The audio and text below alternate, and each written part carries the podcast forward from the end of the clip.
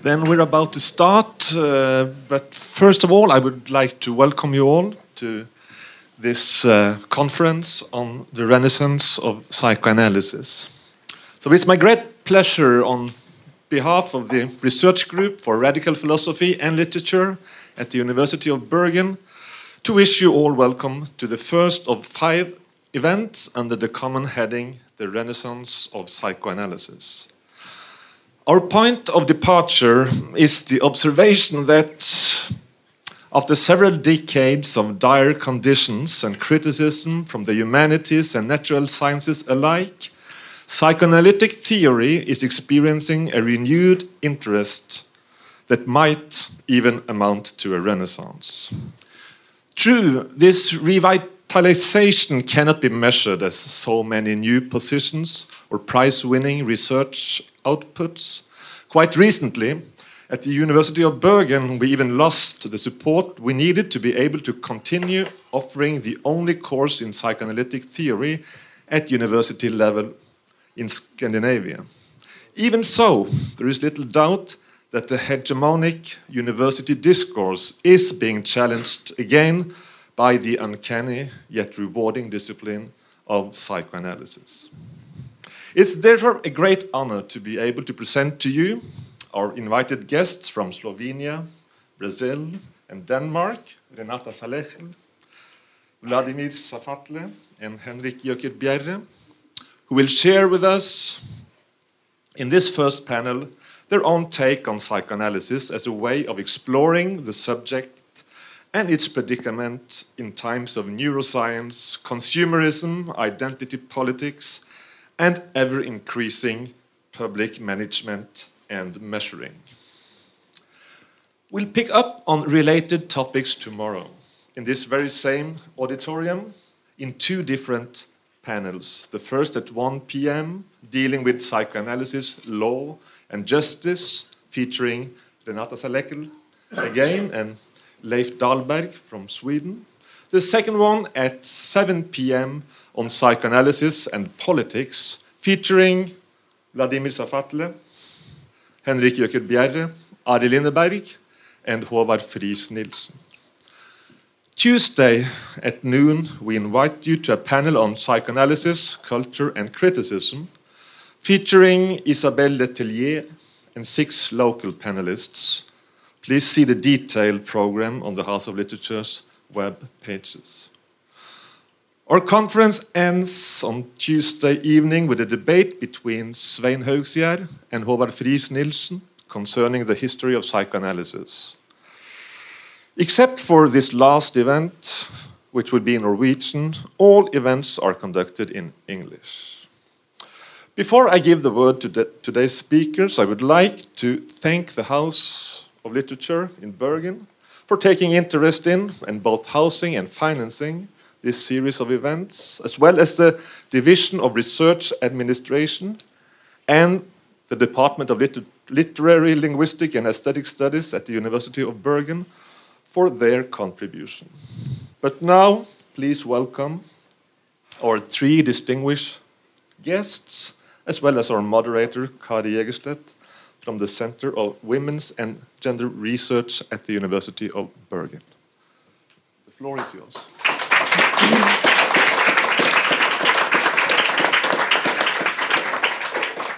Well, thank you, Gisle. I'm afraid I have, I'm going to repeat some of your introduction just for the, for the setting for today. Uh, but this, of course, is the first and in a series of seminars on the renaissance of psychoanalysis. And what we are going to discuss today is exactly is there a renaissance of psychoanalysis? And if so, how and why?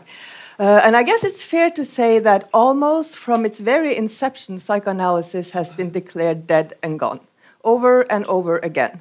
It is unscientific, a mere system of belief, even a hoax, proven wrong, obsolete, sexist, racist, imperialistic.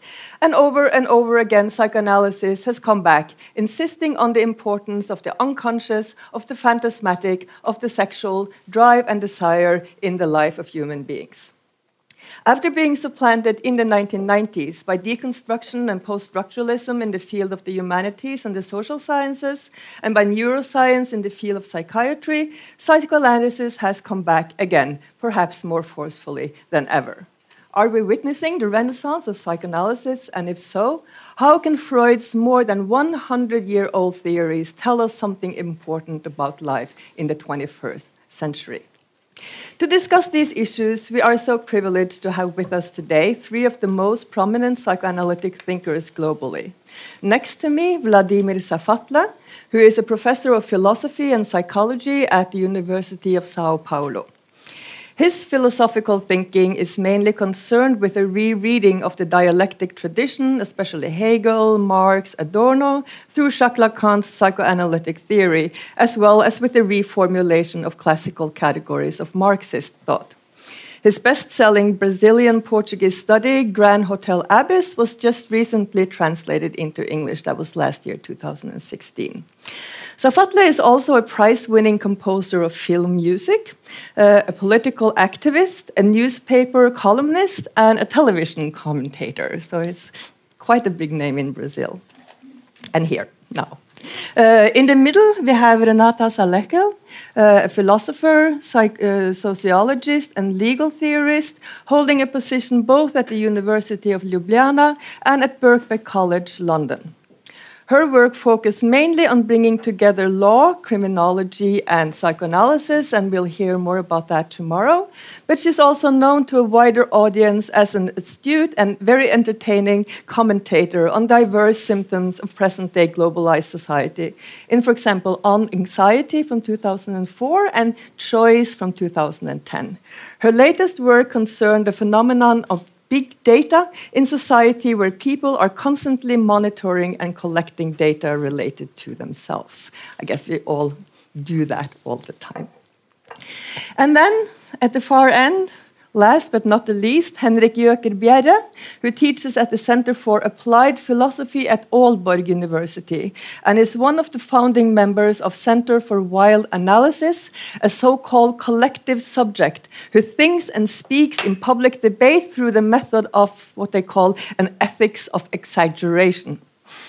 Since its inception in 2006, they have been active online and in the press, commenting, commenting culture, politics, and philosophy from the vantage point of psychoanalysis and continental philosophy. Uh, is just also out with a new book, Handl, or Act, uh, with Brian Benjamin Hansen, which I think you can actually buy down in the bookstore. Isn't it available there? Yes, for those who are interested. Uh, the way we're going to conduct this is that Vladimir, Renata, and Henrik first get 15 minutes each to argue why they think psychoanalysis is of particular relevance today, then followed by a discussion. And we'll go with the ladies first, I thought, then with the person who has traveled the farthest, and then our neighbor go last. So please, Renata, the floor you. is yours. Thank you, uh, Karin, and thank you, Gisle, for the invitation. Um, I will start with an anecdote which happened to me a couple of years ago. Uh, I was invited to a conference on critical legal studies when they still existed uh, in, uh, in, in, the United States. And in this college campus, um, I was searching for a restaurant in the evening before the conference. And at the same, exactly the same time, in my um, hotel, another professor who was attending another conference had the same problem. So we joined forces, and you know, uh, I asked him, you know, what is his conference about? He says he's a physics professor, and then he asked me what I'm going to talk, and I said I'm speaking about psychoanalysis and law, and he became completely upset. You know, how come in today's times of science anyone can still speak about psychoanalysis? You cannot statistically prove it, you cannot measure the unconscious. And then I politely asked, so what is he talking about? His physics conference, he said black holes. so I said, don't you have a slightly similar problem? You know, uh, you can't go into the hole, you know, measure it, and so on. And you know, his answer was, but I can statistically prove its existence, and you can't. As you can imagine, we never shared another meal.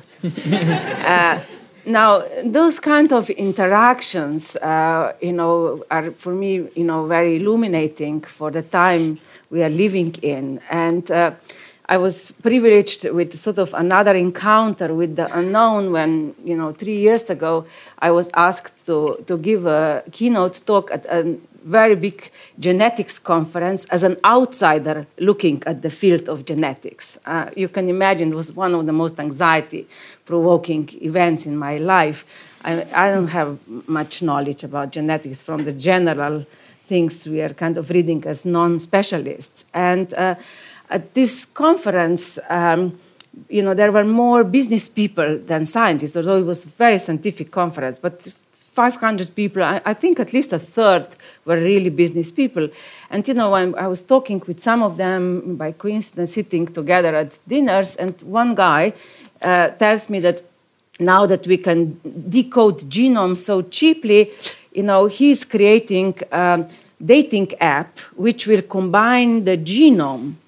And so I said, and you know, the kind of Tinder or whatever match uh, devices that we are using.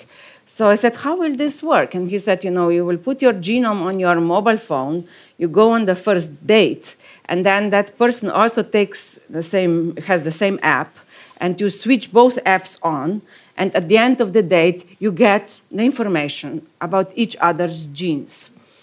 So I said, okay, so like what kind of image? He said, like everything, you know, from the percentage of the chances that the person might drop dead, I don't know in how many years, from, whichever cancer, uh, Alzheimer uh, disease, diabetes, if we by chance reproduce, what are the percentages of genetic illnesses and so on. So I was asking the guy, you know, do you really think people want to know after the first date all this information? And he said, of course, you know, why would you waste time with someone with bad genes? So I started thinking, you know, actually, with this knowledge that we are getting about sort of the inside of the body, something is changing in the perception of subjectivity, where it is becoming more and more important to come back to the questions that psychoanalysis has been dealing with, you know, for 100 plus years. And that is, you know, the perception of anxiety, the perception of what is in me more than myself, how do I connect with others, you know, and also especially what kind of symptoms emerge as a result of social changes.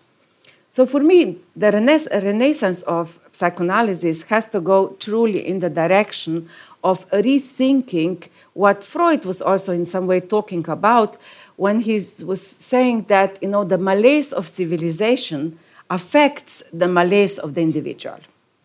So I think that you know that the new knowledge that is emerging in the domain of genetics, neuroscience, and the big data is in a way opening a whole new set of problems which i think psychoanalysis will you know be able to help us to discern uh, let me just briefly mention a couple in regard to genetics, it is interesting that people often have enormous anxieties. You know, some people who go, you know, to get tested themselves have an anxiety about sort of what is their future. And psychoanalysts who are observing these anxieties are pointing out that often people don't sort of have a question, will I get cancer, but when will I get cancer? There is a certain kind of a perception of uh, determinism and also uh, that you know kind of a danger which is awaits us and whether i want to know or not to know that's kind of then another question but people who get negative results to, their, to this question quite often do not experience an, an sort of kind of a change in their anxiety, a loss of their anxiety. Rather, their anxiety shifts to another question. So maybe they get a negative answer in regards to breast cancer, but then they will search for another, quite often going from one test to another. And some, you know, might develop a serious paranoia around it. Now, many people around this, when they are dealing with this question, what is in me more than myself, you know, also have to revisit the whole family situation. So we are observing new feelings of guilt, you know, what was passed to me, what am I passing to others? And let me give you an example from my own uh, uh, dealing with this anxiety when my son was about six, seven years old. You know, in the first years of uh, primary school, he learned for the first time about genes. And he comes home one day and he said, uh, because he has to wear glasses uh, like I, he said, Mom, why didn't you fix your gene uh, before you had me? I said, which gene? He said, gene for short-sightedness. You know, I was taught in school that you can inherit, uh, you know, myopia, and you are guilty that I have to wear glasses. And I tried to convince him that, you know, I didn't have the power yet to intervene in such a way, and we don't have the science, and so on. And he said, um, it, happily, you know, I learned that I got 50% of the gene from my father, and there I got some very good genes. so I said, which uh, genes in particular are, are really good that you got from your father? And he said, the gene for not having too many friends. and now, at that time, my son was complaining that I'm dragging him to too many visits with my friends, uh, while he, of course, you know, pre preferred to play whatever Lego or computer games.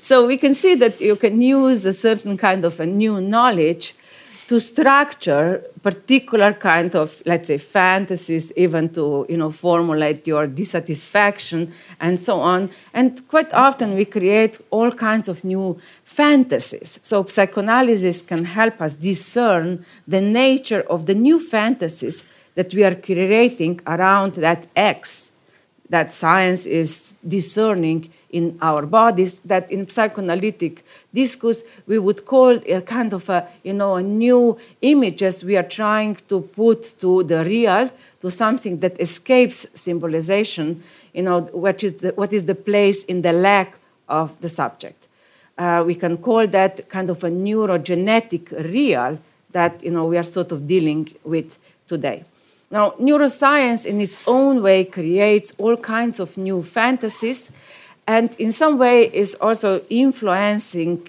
uh, us in the judicial system. I will speak more about that tomorrow, but you know you will not be surprised that many uh, members of the jury, especially in the United States nowadays, want to see in the actual court cases exactly what they have seen in the movies, especially the CSI, forensic files, and so on, because they perceive that with, you know, with this kind of a fictional accounts, we can come to the truth of subjectivity, criminal subjectivity, and potentially also predict, prevent, let's say, future crimes.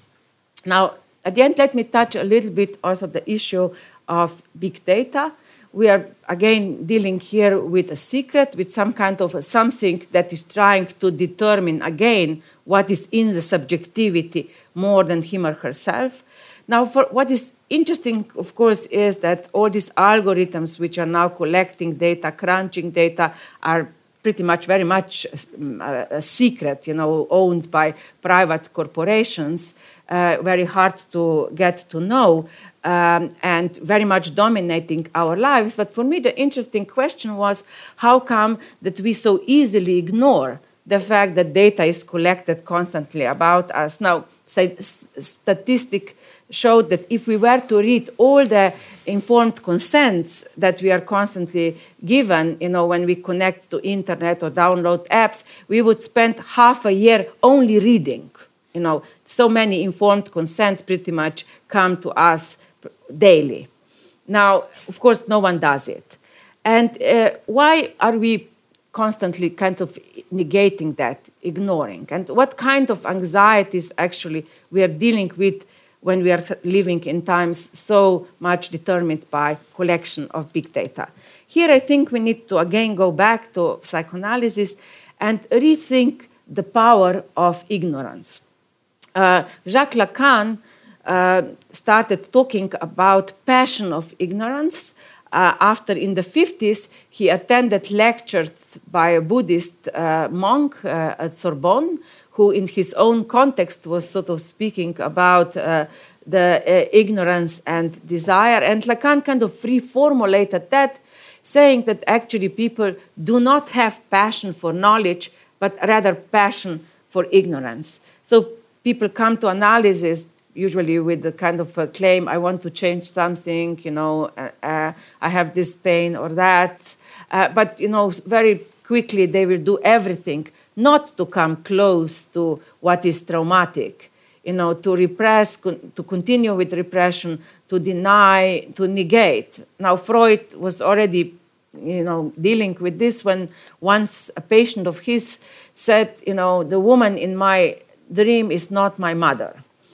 And Freud said, sort of like, no one said that the woman in this dream was his mother. You know, why was there a need for a patient to, to negate something? And Freud's idea was that actually, quite often, when we negate something, you know, repression already is sort of not working as it was before.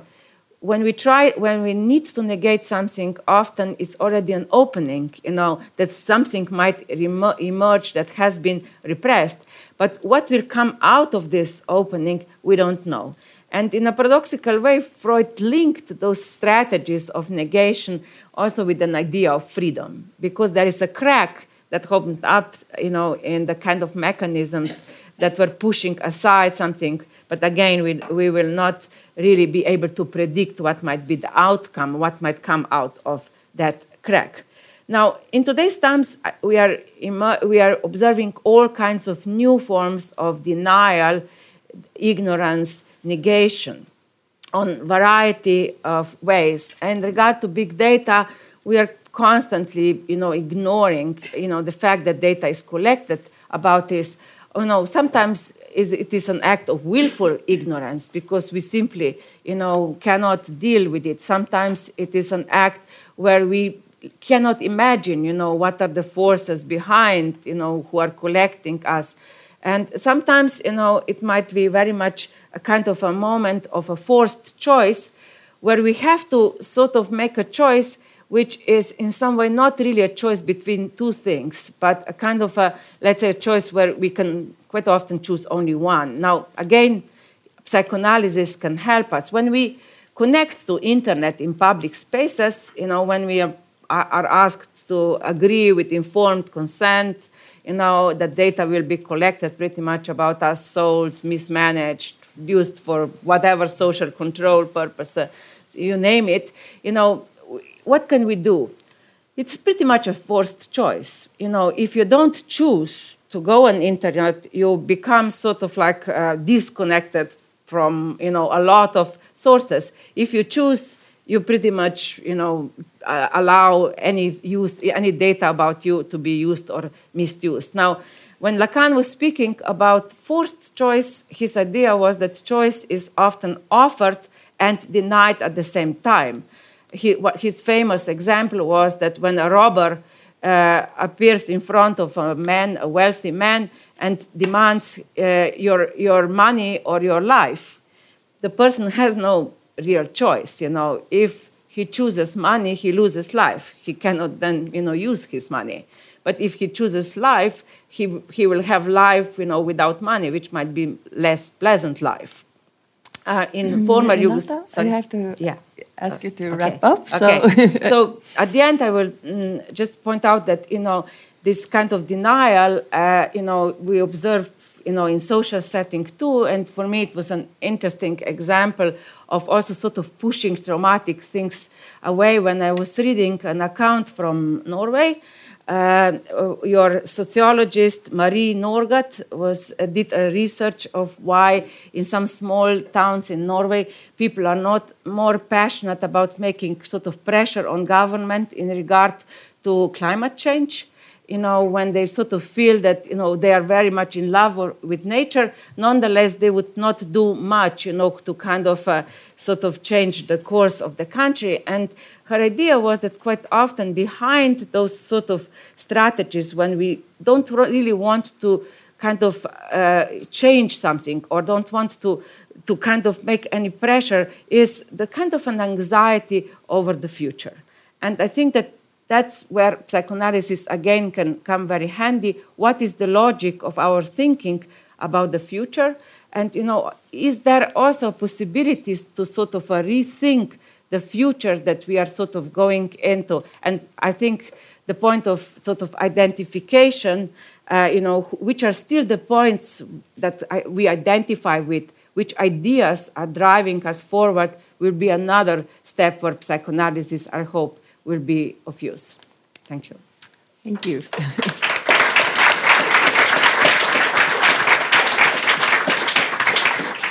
yes, Vladimir? Okay, then uh, first of all, thank you for this invitation. For me, it's a real pleasure to be here for discussing this kind of topic. Uh, I, will, I would like to present something about, let's say, a possible relationship between psychoanalysis and politics, because it could, it could be a kind of introduction of my second lecture tomorrow. No? And I think that uh, psychoanalysts have too many interesting things to say uh, about politics today that maybe this could be a way, let's say, to discuss the possible renaissance of psychoanalysis. Because uh, let's say that there is a perspective, psychoanalytical perspective, uh, that can be much important for us today concerning social phenomena, uh, especially political phenomena. Because normally we believe that uh, a theory of affects, for example, doesn't contribute for clarifying the nature of the impasse of social political ties. For we accept that the dimension of affects concern the individual life, while the understanding of the problems connected with social bonds would require a different perspective, a perspective capable of describing the structural functioning of society and its spheres of values. Well, the effects would refer to individual systems of fantasies and beliefs, which would to preclude the understanding of social life as a system of rules and norms. And such a distinction would not only be a reality, but let's say a necessity. For when affects enter the political into the political scene, they could, it seems, only imply the impossibility of guiding the behavior upon rational judgments, universalist judgments based on the search, for example, for the best argument. Well, however, one of the richest points of Sigmund Freud's intellectual experience was to insist on the possibility of overcoming such a dichotomy.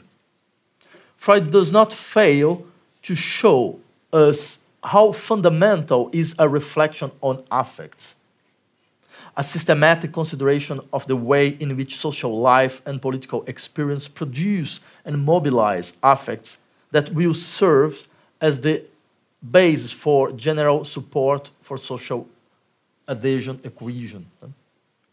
It's a way of remembering the need to develop a social reflection that departs from the perspective of individuals not accepting neither the accusation of psychologism, not systematic functional descriptions of social life.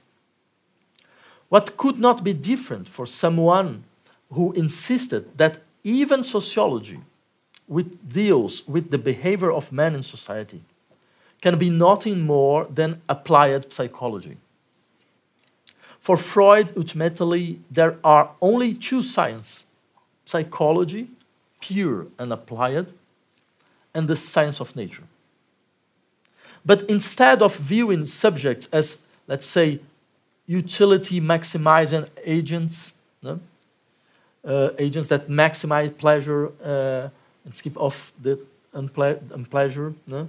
or as a mere calculation expression of rational deliberations, Freud prefers to understand the way in which individuals produce beliefs desires, and interests when they justify the necessity to conform themselves to social norms, adopting types of behavior and repeatedly refusing others.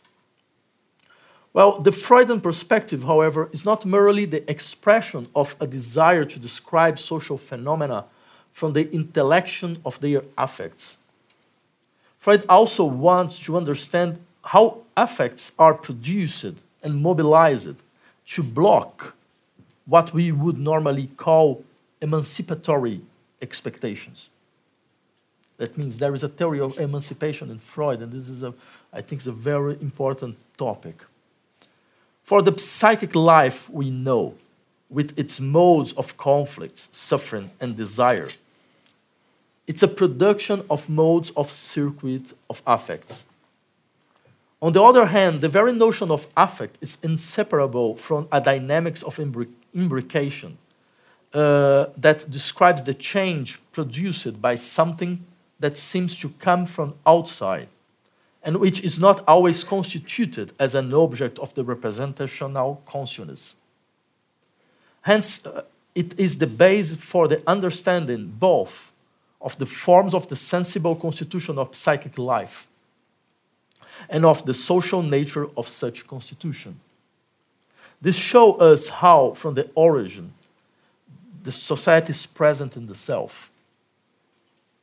To be affected is to instill psychic life through the most elementary form of sociability. The sociability which passes through aesthesis and which is the most important dimension, in, in, in its most important dimension, builds unconscious bonds. There is a sociability that pass through sensibility. And this is what affects can uh, show us. And such constitutive capacity of affects has greater political consequence. For both the overcoming of psychic conflicts and the possibility of political experience of emancipation calls for the consolidation of an impulse toward the mutation of affects, an impulse toward the capacity to be affected otherwise. Our subjection is affectively built, it's affectively perpetuated, and can only be overcome affectively from the production of another aesthesis. What leads us to say that politics, in its essential determination, a mode of production of circuit of affects. This is the same way as the clinic, especially in its Freudian matrix, seeks to be a device to deactivate modes of affection that sustain the perpetuation of certain configurations of social bonds. In this sense, Freud's interest on social theory isn't the result of a desire to construct highly speculative theories on anthropogenesis, on religion, on social origin of moral sentiments, and on violence. Indeed, Freud is moved in his own way by a questioning of the psychic condition for social emancipation and by a strong theorization of the sensitive nature of his blockades. On the other hand, when trying to understand the modalities of social circulation of affect, Freud privileged the vertical relation proper to ties related to the figures of authority, especially to paternal figures. It's basically these types of effects that set the psychic life through process of identification. What could not be different for someone who saw in this very peculiar form of empathy, called identification, the foundation of social life. This privilege given by Freud to these vertical relations was a reason for many criticisms from the most diverse traditions. For apparently, rather than accounting for the impact of the autonomization of spheres, spheres of values in modernity, let's say a Max, Max Weber topic, no? Uh, and its modes of legitimation. Freud would have preferred to describe the process of social interaction that never concerned, for example, the links between members of society in horizontal relations but only concern their, their relation to the superior instance of a leading figure. As if the subjects always reported directly to personalized instance of power. As if socio-political relations should be situations of domination and servitude. A strategy that would imply a strange remnant of categories of philosophy of consciousness transposed into the framework of the analysis of the logic of power. Well, this would lead us to believe, for example, that the institutional expression of the state would always tend to submit to the figures of a single person in the position of leader. However, we can say that Freud acts as one who affirmed that the relationship with leadership is the true obscure point of contemporary political reflection. There is a continuous demand for the expression of power in leadership. There is a logic of incorporation that comes from the constitutive nature of power in the determination of collective identities. This is present in both democratic and authoritarian society. In fact, there is no political sphere in Freud in which the relation to authority isn't a constituent power of collective identities due to the strength of identifications. At first glance, it seems to be the, necess the necessary but not less problematic result of the Freudian tendency of not read the figure of the political leader, of political family, of political theological analogies. This centrality of the discussion about the nature of leadership within the reflection on the political should not be evaluated, however, as the natural expression of, let's say, a pretended necessity of humans as political animals for submitting themselves to figures of authority, as if humans were animals that necessarily seeks a master. In fact, Freud intuitively perceives how sovereignty, whether currently effective or virtually present as a latent demand, is the constitutive problem of political experience. At least of this political experience that marks the specificity of Western modernity.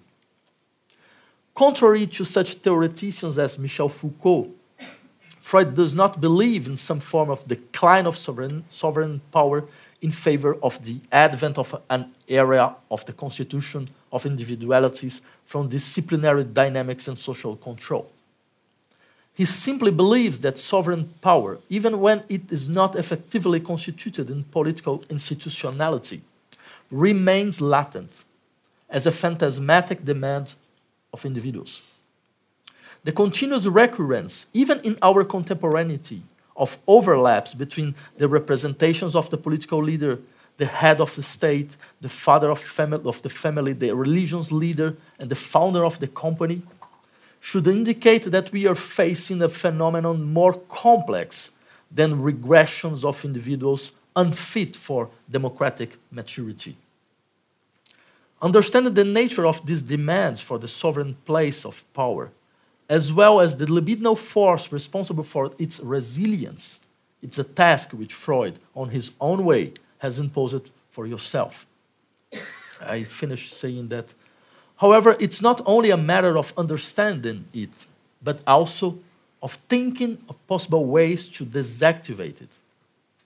Ways, if you want to use an analytical phrase, to cross that fantasy, to traverse that fantasy. But as in a clinical situation, it isn't a question of believing that once the libidinal trap of the politician, po politics had been unveiled, we must abandon it to the history of its Western delirium, replacing it with an aesthetic or a moral. For such belief would turn psychoanalysis into a model of criticism which claims to be able to content with the unveiling of the mechanism of production of social illusions, in the hope that such unveiling would have the, the force able to modify conducts and behaviors. We would be more faithful to Freud otherwise if we understood the process of crossing the, the fantasy as an induction of internal mutation in the sense and in the circuit of the effects that fantasies produce. Freud acts as one who explores the ambiguities of our social fantasies, as one who de- deconstructs, and the word is not here by chance, the apparent homogeneity of its functioning, thus allowing other stories to appear where we believe it to find only the same stories. It's not a critic by which social illusions would be denounced from possible latent norms that would serve as the foundation of another form of life, as if it were the, same, the case of disqualifying the current normativity from the perspective of a virtual normativity about which Freud would be the chosen enunciator. Freudian criticism is a kind of openness to the possibility of transforming norms by exploiting their internal ambivalence. In our case, transforming sovereignty by exploiting the still unheard of effects of power. There is something in the assumption of sovereign power that cannot be completely dismissed as a regressive figure of domination. There is something in its place that seems to pulsate beyond the subjection effects that such power necessarily seems to imply. Please, thank you. Thank you.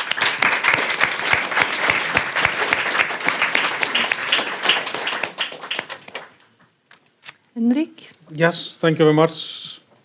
And thank you also for the invitation and for showing up. I mean, in a way, you could almost say that the, the uh, evidence of the renaissance of psychoanalysis is much more that you are here than, than we are here in a way. Um, I, I, I thought that I would try to approach two different questions that are very much interrelated, which we have heard also already in two different ways. I mean, very uh, practically speaking, the, the question of uh, psychoanalytic practice, clinical psychoanalysis, and the question of what you could maybe call theoretical psychoanalysis or, or a psychoanalytic conception of culture and politics. Uh, I think one of the fundamental issues that we will hopefully, uh, I mean, which is already, I think, clear, is that these two things, and that's one of the major outcomes of Freudian psychoanalysis cannot be separated. I mean, they can, of course, for analytical purposes, be separated. We can speak about them each of one of the one at a time. But the the even if we go back to the sort of the founding event of Freudian psychoanalysis, I mean, if you take the simple the the the, the historical account of what actually happened when Freud started uh, inventing sort of what was called the talking cure by one of his pa patients, was that he uh, found out that by letting patients speak themselves to simply tell about what was wrong, so to say, he found out that what they were dealing with was what you could call cultural diseases. You could call a pressure of the other or of society on those individuals. So, concretely, that some of the famous cases that Freud was analyzing in the beginning, the so called hysterical women who were in uh, late uh, sort of romantic Biedermeier uh, bourgeois Austrian culture, sort of feeling uh, and experiencing symptoms that could not really be explained or dealt with by sort of traditional medical authorities. They were sent to whatever uh, Swiss uh, cure, how's it called? Uh, these uh, places where you could uh, relax and have baths and cold baths and so on. that was the kind of treatment they were offered. But Freud then found out that if you let subjects speak, you gradually can uh, unfold something that is going on with the subject's, let's say, inability to accept or digest the specific cultural pressure. And for Freud, what was at that time the case, very much related to sexuality. So you, you get neurotic symptoms out of a as a response uh, that is as a, as a response to not being allowed to respond appropriately, so to say, to a cultural pressure. That so what Freud found out in psychoanalysis is, or in the talking cure, is that the, when you treat an individual who is suffering from some kind of uh, mental disorder, let's say, you have to deal with the the other, with the culture, with the pressure that this uh, individual is experiencing, and is not allowed to give expression in culture. So what you find is you look for sort of an individual, but what you find is a culture in a way, even in the individual analysis, in the session, in the, in Freud's office, in his couch, and so on. Culture is already there, present. So in that sense, wh whether you focus on the individual in in the clinic or you focus on culture, you're in a way you're always dealing with the this. Uh, relation between the subject and the other, just from two different perspectives. Either you focus on the subject's reaction to the to culture or to the other, or you focus on culture as a kind of compromise or, or gathering of various different kinds of symptomatic formations that are continuously renegotiated in culture as a result of individual responses uh, to culture. So I think if there's if there's a need for let's say a renaissance of psychoanalysis, first of all in the clinical sense today, I think there's something clearly to be to be found immensely important from precisely this perspective. Um, and uh, what I would suggest is I, this is one of the I'm drawing on a couple of points that we have made in our Center for Wild Analysis, so it's not in a way in that way my own invention. But we, at one point we distinguished between what we called evidence-based medicine, teaching, management, and so on, which is sort of like you know the main trend. For example, let's say in medicine, but also in learning, education, and so on. Everything has to be evidence-based. It has to be based on measurements, on uh, data, on uh, uh, information available to say that this this kind of treatment works. You have statistical proof of this. This kind of teaching gives the required results in the PISA testing and so on. Uh, Evidence-based uh, uh technologies, so to say, are so are extremely uh, strong and powerful in these days. And what we suggested at one point is that maybe it, we need to sort of reinvent or go back and find inspiration for something maybe we could call audience-based rather than evidence-based. Sort of playing on the Latin origins of these words. That evidence is from videre to to to to pull out something that you can see, that you can measure, that but it, it related to sight that you can actually look at things and find evidence, like in good old positivism. It's a positivist stance. You can see it, and then therefore it's real, so to say. Audience comes from uh, so it means to listen to something. Audience is about hearing what someone or something says or what is going on, so to say. And psychoanalysis fundamentally is audience based. It is based on the the, the listening to the speech of the analysand, to the patient, to the patient's own uh, verbalization of what is actually the issue. That's why it takes so long time to do psychoanalysis because you need to be able to articulate yourself what actually is really the problem, so to say. That you cannot see it. And I think there's a sort of a fundamental distinction, first of all, here between what we could call evidence based and audience based techniques, so to say. And I, I thought about a quote from Ludwig Wittgenstein that I have always liked and found very appropriate sort of to this context.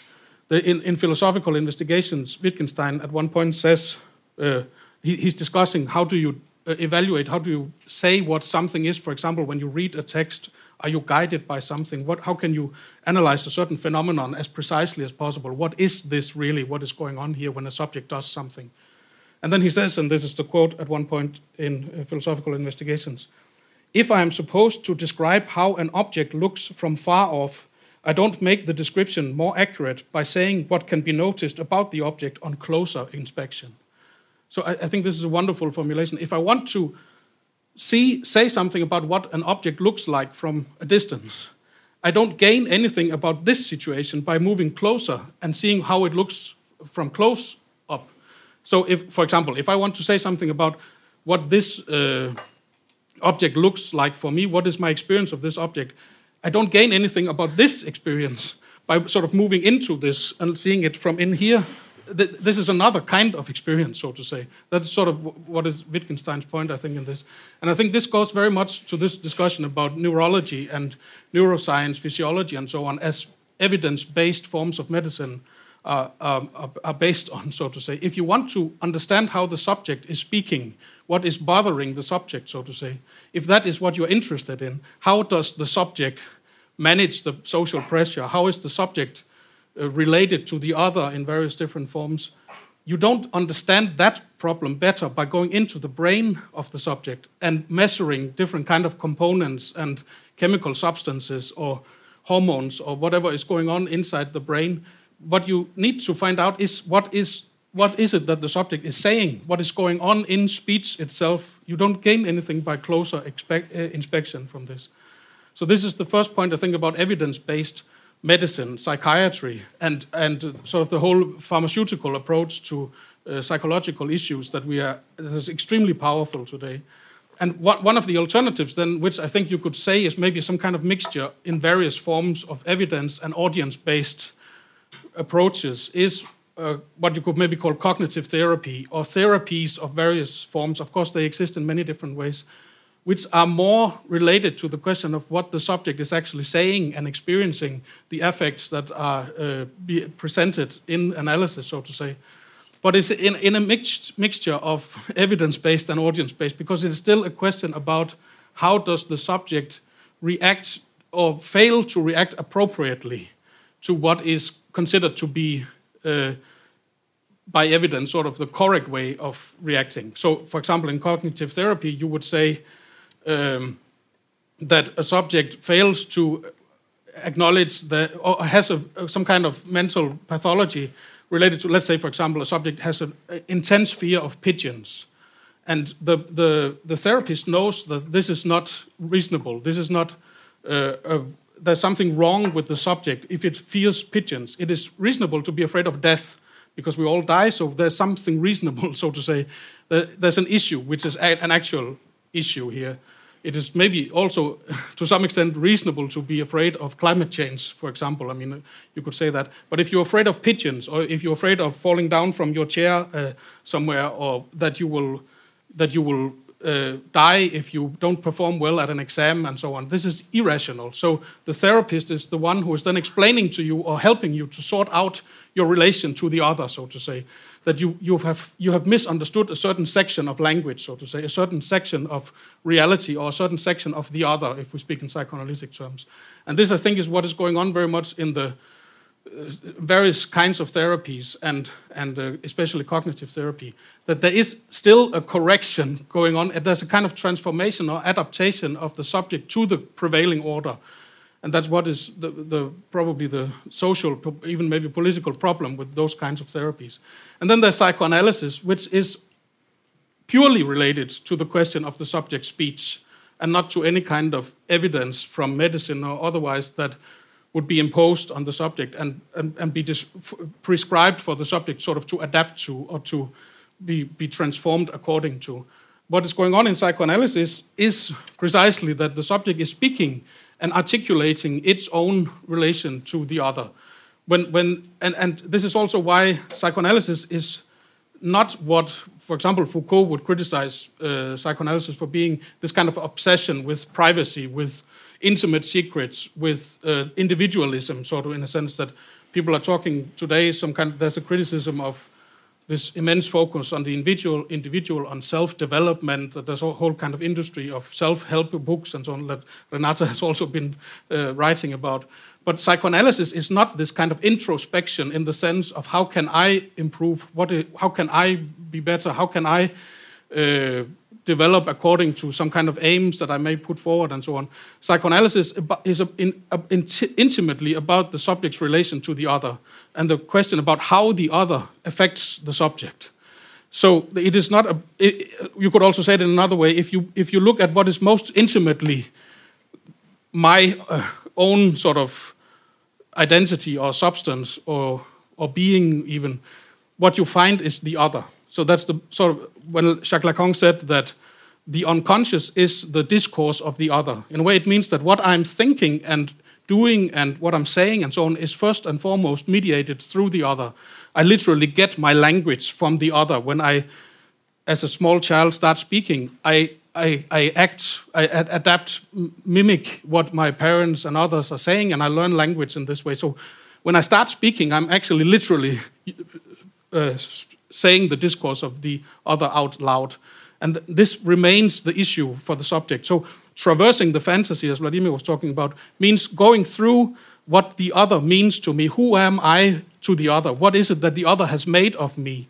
And traversing the fantasy in this sense actually means to get a more uh, liberal, free sort of approach to the other, to be able to to do something, change something in the other, to actually act in the other, and not accept the, the kind of identity or pathology and so on that has been formed as a result of the pressure of the other.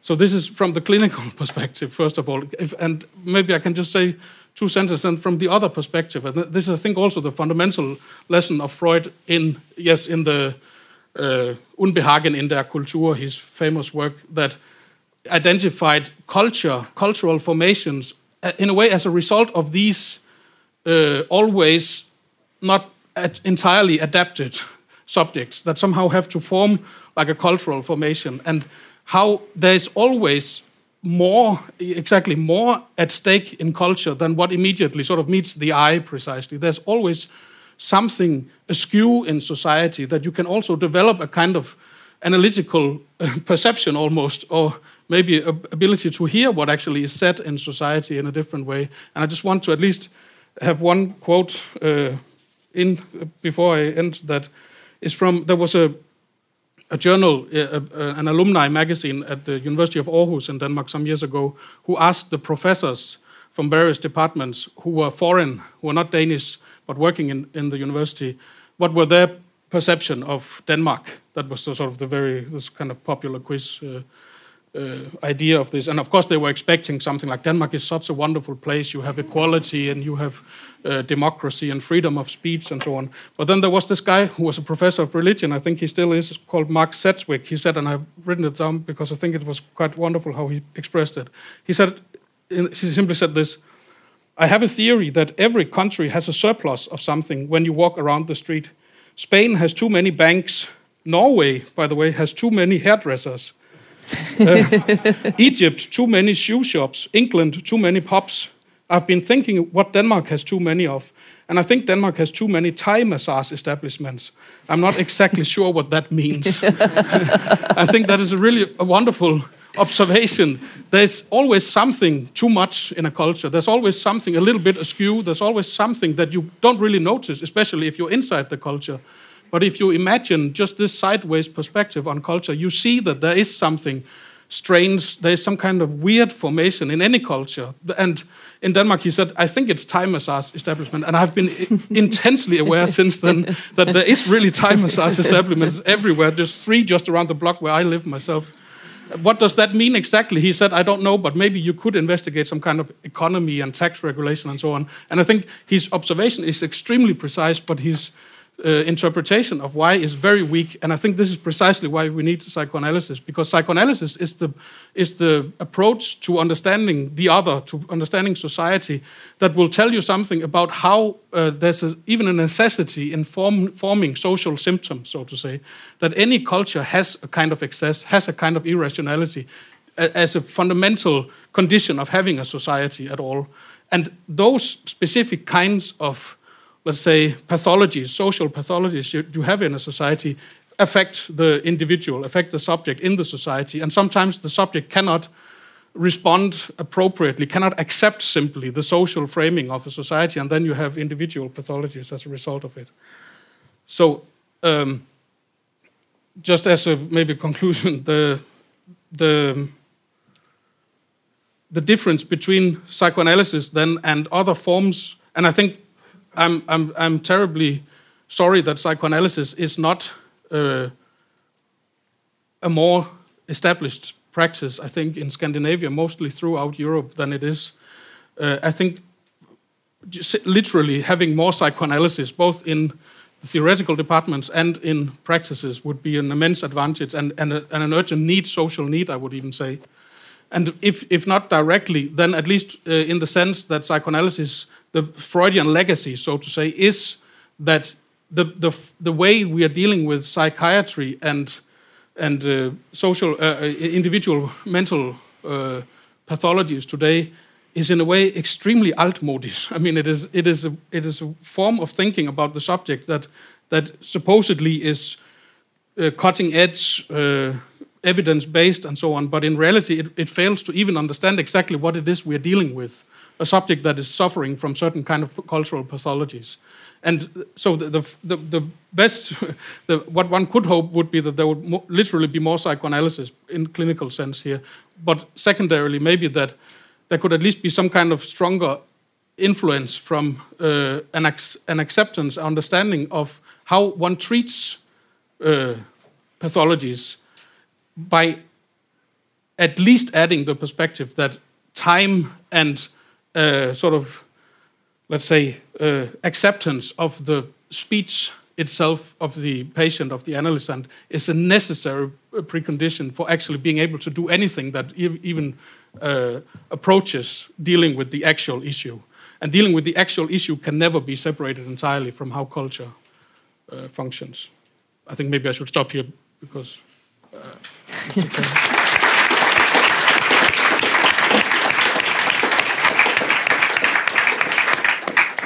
Well, thank you so much, all three of you. Uh, I already knew that we are living in difficult times and that we are also caught in a paradoxical society.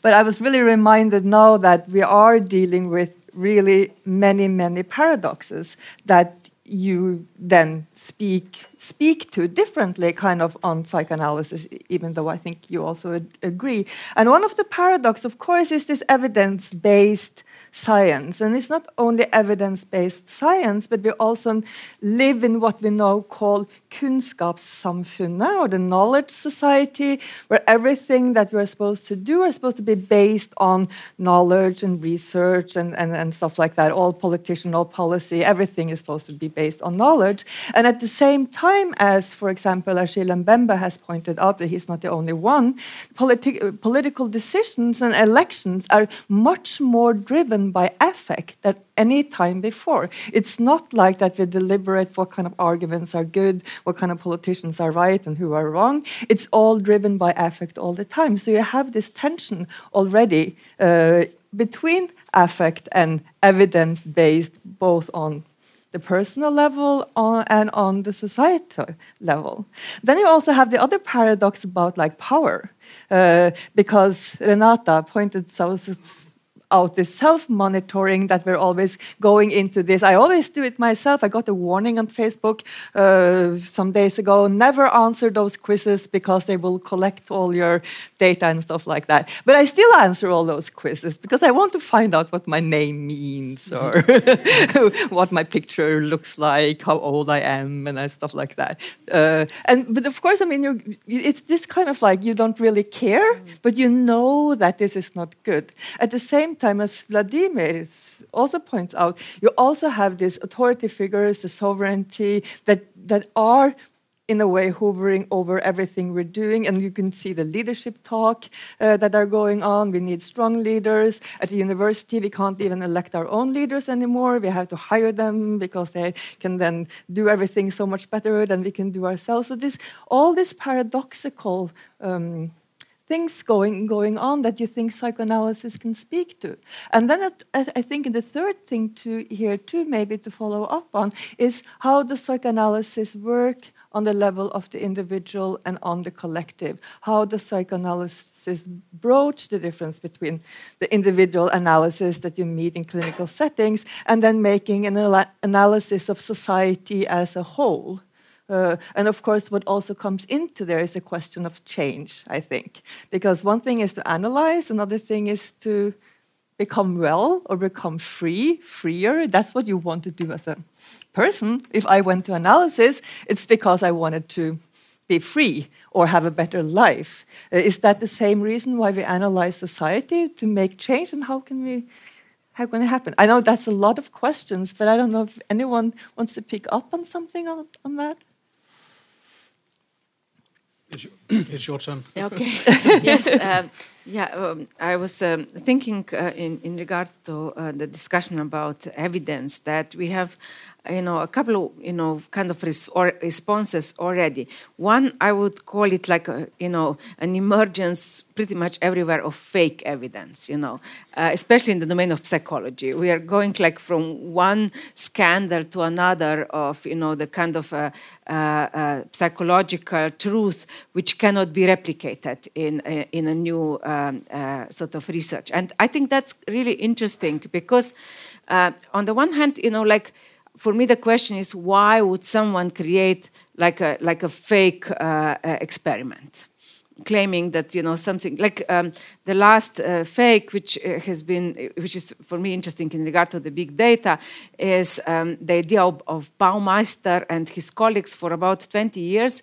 Um, we have sort of been bombarded with the idea that they have researched that uh, um, our uh, willpower is like a muscle that you know if you use it too much your willpower you you kind of you know lose the strength. Like if you ex exercise too much at some point you cannot go on. And so they, their idea was that when we focus for example uh, to do one thing let's say not to eat too much uh, if at the same time we want to focus not to smoke it will be not possible to focus on improving our lives in two directions. And then in the last years some psychologists were trying to redo this uh, uh, experiment and they couldn't you know. So the whole idea was suddenly the end of the idea of the willpower as a muscle abandoning it you know. And then they realized pretty much that probably this first experiment was interpreted in the way that at that time the psychologists thought it would,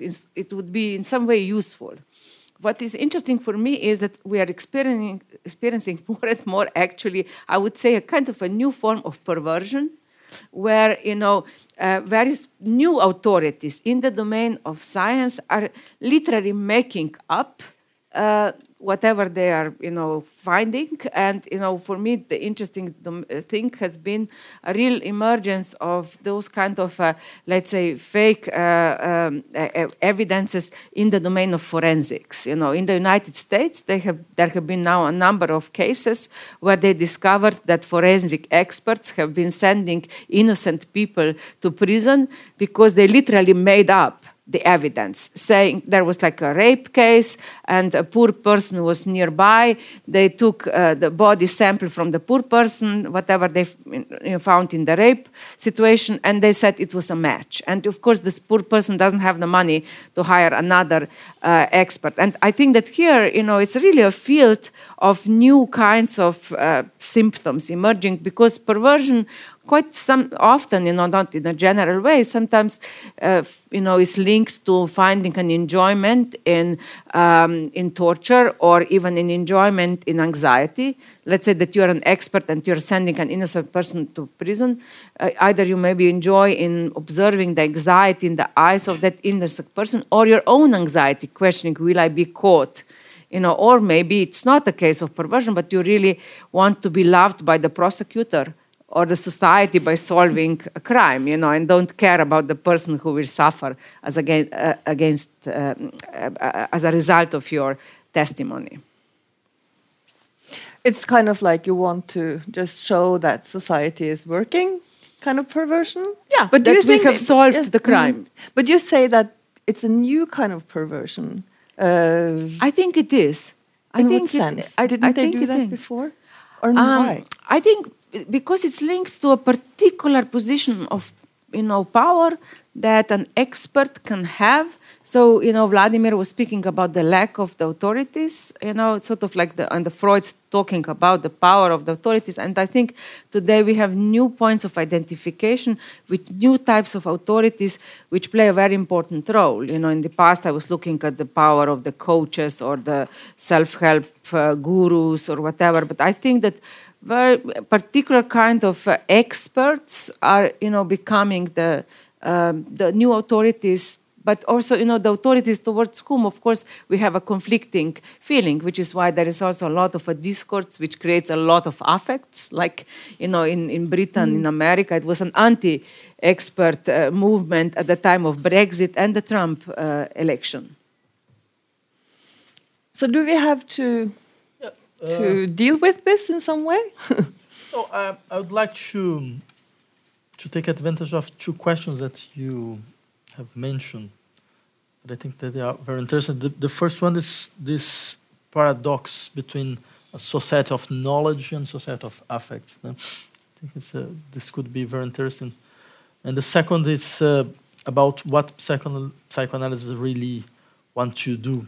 Uh, the first one uh, I'm afraid that this distinction between, let's say, a knowledge that can be uh, object of argumentation, that can be a base for uh, rational argumentation, and a, a, structure of affects that are, let's say, the explosion of uh, fantasies, of beliefs, of uh, a kind of uh, uh, irrational sensibility uh, in the social life. Maybe this is the problem. The problem is this, is, is this kind of distinction. Uh, and I would say that this, we have a strong metaphysical tradition that trying to make us believe that, um, uh, that the affects are not ration, rational. No? And I think that maybe the, the, interesting thing is to say there is a rationality there, a way of mm. rationality, and which rationality uh, we are dealing with. No? Uh, let's say uh, there is a rationality in affects like fear, like hope, like helplessness, and so on. Uh, then maybe let's say the first step is try to to understand what we we try to create and we try to produce when we judge, when we evaluate, um, and we act and we behave upon certain affects. Because otherwise, we will have this, this impression that in a democratic society is a, democ is a, a, a society disaffected. Uh, and a, a, society that where we can try to create a kind of uh, illusionary space where uh, the, the a, a, kind of dialogue it's, it's possible, and the dialogue is possible with, without all this pathological um, uh, perspectives marked by a certain affect. But the question is, an affect, it's, it's, it's, uh, um, there is a memory on it. Uh, it's, a, it's a way of deal with a social memory, and uh, is a way to to, to structure kinds of rationality, relationality. It's a, there is a relationship in a structure of relationship in affects. And the third thing, maybe the more more important, it's a, it's a way to be bound in the form of life. There is a form of life that, that we try to, to, let's say, to make present when we open ourselves to certain affects. No? And uh, I think that psychoanalysis can, can be much, uh, much, uh, a much important point of view to describe this kind of dynamics. No? And the second thing, it's about, uh, let's say, let's say, a psychoanalysis is a practice of emancipation. Even if Freud doesn't use this, this word no, of uh, emancipation, I think that we should understand this kind of practice uh, from this perspective. Uh, uh, well, we saw uh, psychoanalysis, uh, and we can see psychoanalysis as a kind of highly speculative theory of servitude on culture and on clinics. But I think that one of the most impressive, let's say, points of psychoanalytical thought is is the way to criticize what we understand by emancipation. No? Mm. Because normally we understand emancipation uh, as, as, let's say, as autonomy, as self legislation, no? as self governance, no? the uh, uh, capacity to, to self legislate. Uh, it's a, well, it's a very, very traditional way to, to understand freedom in the, our modern society as, let's say, this uh, individual autonomy, the ability to self. Well, there is even a theological base on it, but okay, that's an, another discussion. But what is interesting in psychoanalysis is the possibility to criticize this idea of freedom as autonomy. Yeah? To put the question, uh, the, idea, the idea of self legislation is a real and a strong idea of freedom, or is just an idea of self domination? And if this idea of self domination, this notion of domination can deal with a notion of freedom or not. Uh, maybe we, we need to, let's say, to create another idea of freedom. An idea of freedom that is not based in this, in this juridical and legal model, but that it's based in the possibility to be open to something that is, is, is, is strongly um, different and, uh, and uh, strongly mark of authority. Uh, that is, it means that there uh, the possibility to accept that we are caused by something that are exterior to us. There is an exterior causality that will never be like a, a, representation of consciousness, that will never be like an object for a consciousness, but that will never be a, a something that, that can assure myself in the self uh, deliberation, no? uh, in, the, in, in, in, this kind of decision that is, uh, let's say, let's try to understand, the, that puts the representation in the be better sense and try to understand and make calculations and deals and something like that. But there, there, is, some, there is a kind of, uh, the, the force to be open to exterior causality that is totally strange to the actual figure of our consciousness. And normally we see this as a kind of servitude. But maybe there is a kind of heteronomy without servitude.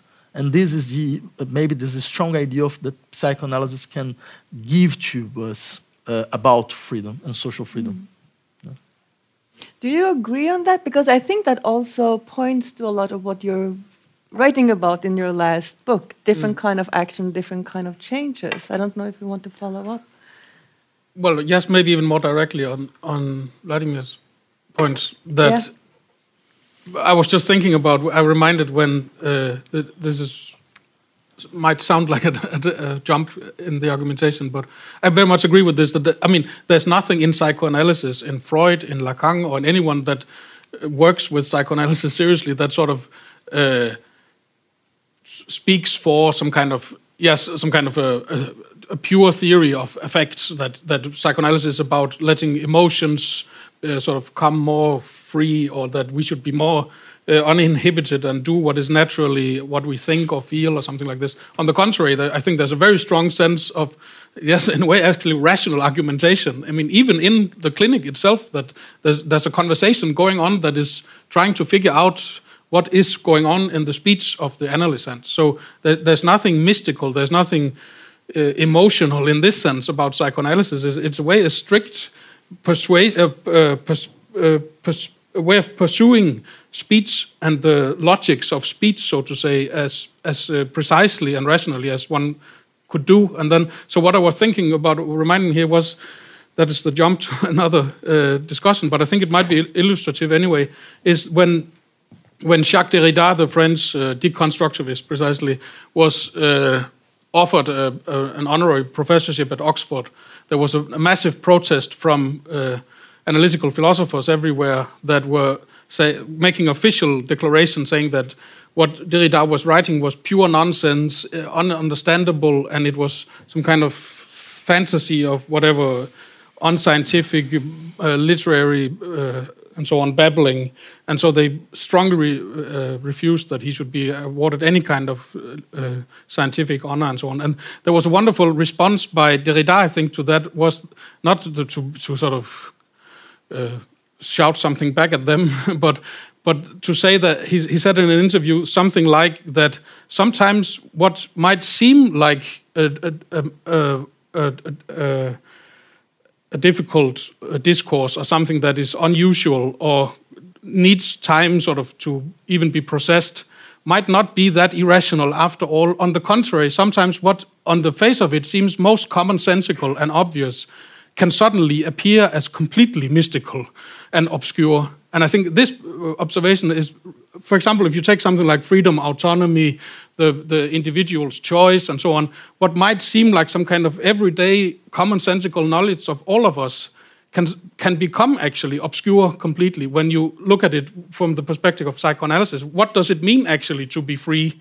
I mean, it, it takes, in, in, a, in, in a psychoanalytic perspective, it takes uh, work sort of to become free. I mean, you, are, uh, you have to uh, in a way liberate yourself from yourself to a certain extent in order to be able to experience something that you could genuinely call freedom or uh, a version of it.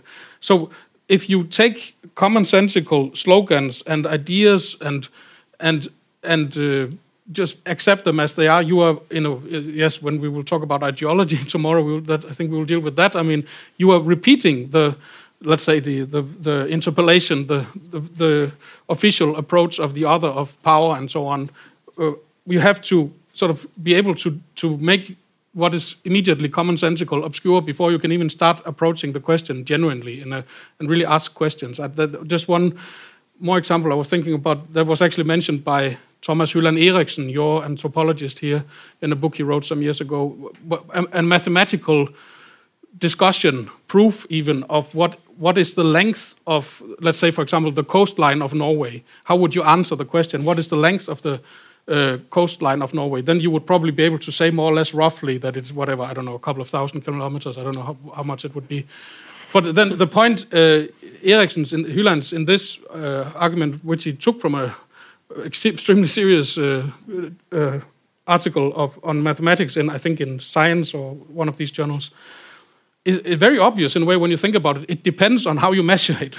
I mean, if you measure the bay like this and like this, of course the coastline becomes much longer than if you just measure it from Bergen and up to Tromsø, for example. I mean, or if you measure then around each little uh, part of the, and even in the last instance, if you measure each sand corn, uh, all the uh, way around it, then you get immensely longer distance of the coastline. So the, the immediate commonsensical idea of the length of the coastline of Norway can be complicated immensely if you start asking more rational, more precise, more uh, nuanced question about what do you actually mean when you say that.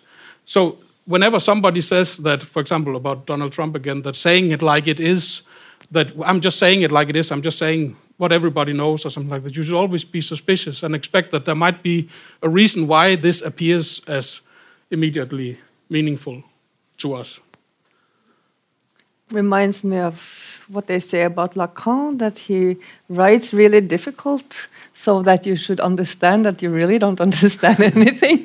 of course, when you start asking all these questions too from both sides, then it becomes really complicated.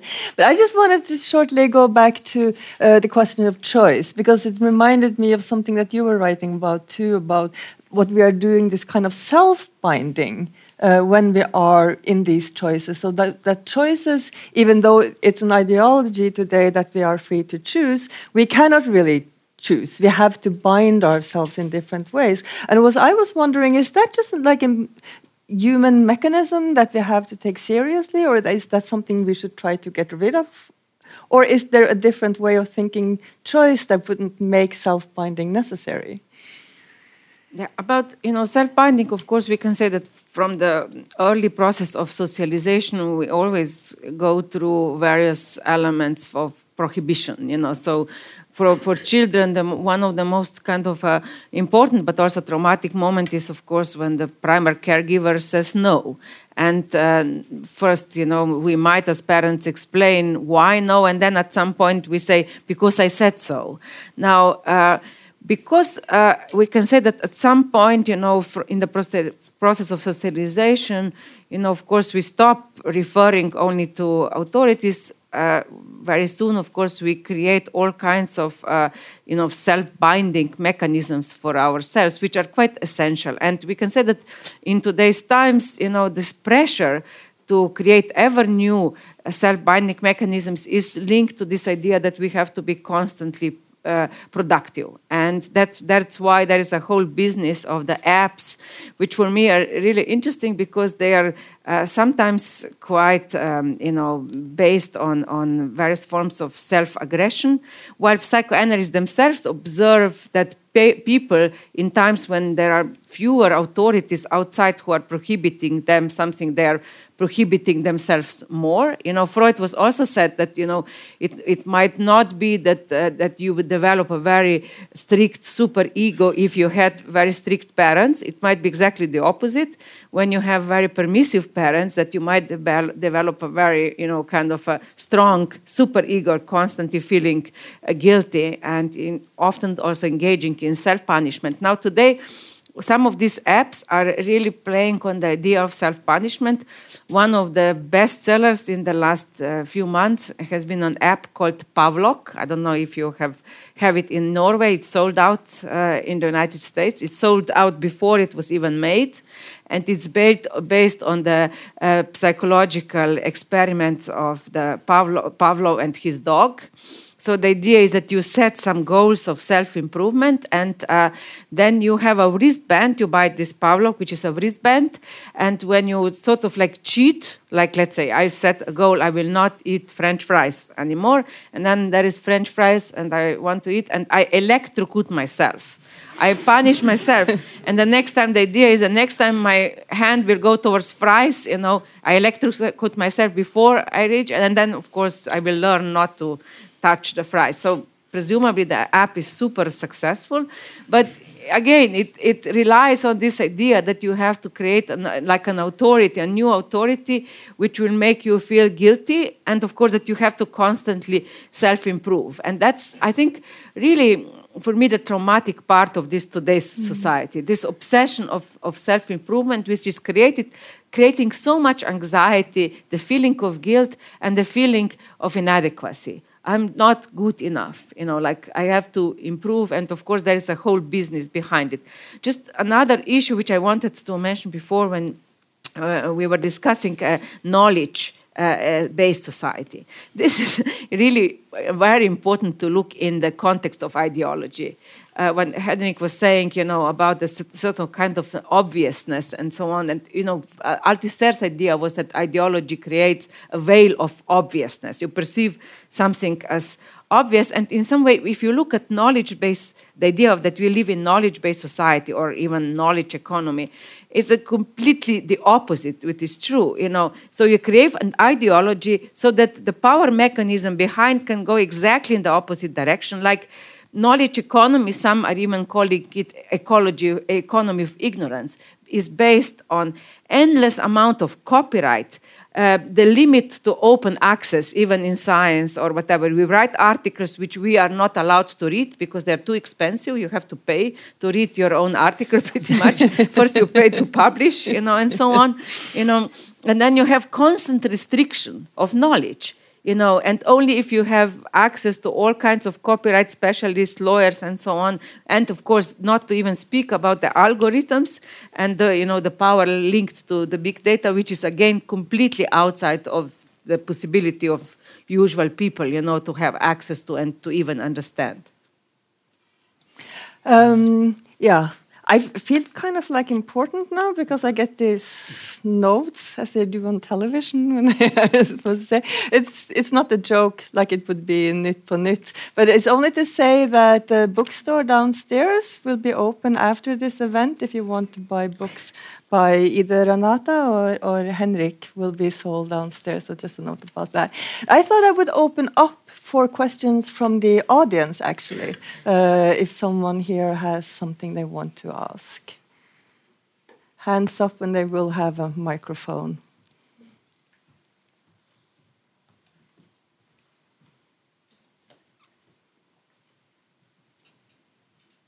And if not, we'll just continue the discussion. Here's a question. Um, I don't think I need a microphone. Um, yeah, okay, I see. Um, it's, it, it is a rather practical question for you, Vladimir, and I'm I'm hoping not impolite, but um, I I thought that your texts were pretty complex, uh, and I'm going to your speech tomorrow, and sometimes we're used to like getting the papers or the scripts uh, written down. Um, so if that is possible tomorrow, so we can follow it both by audio and text, sure, that will be sure, very great. Sure, Thank you. Yeah, that's a good idea. Yeah.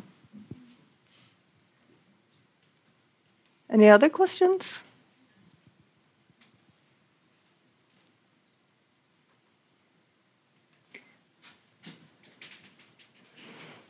Ellen?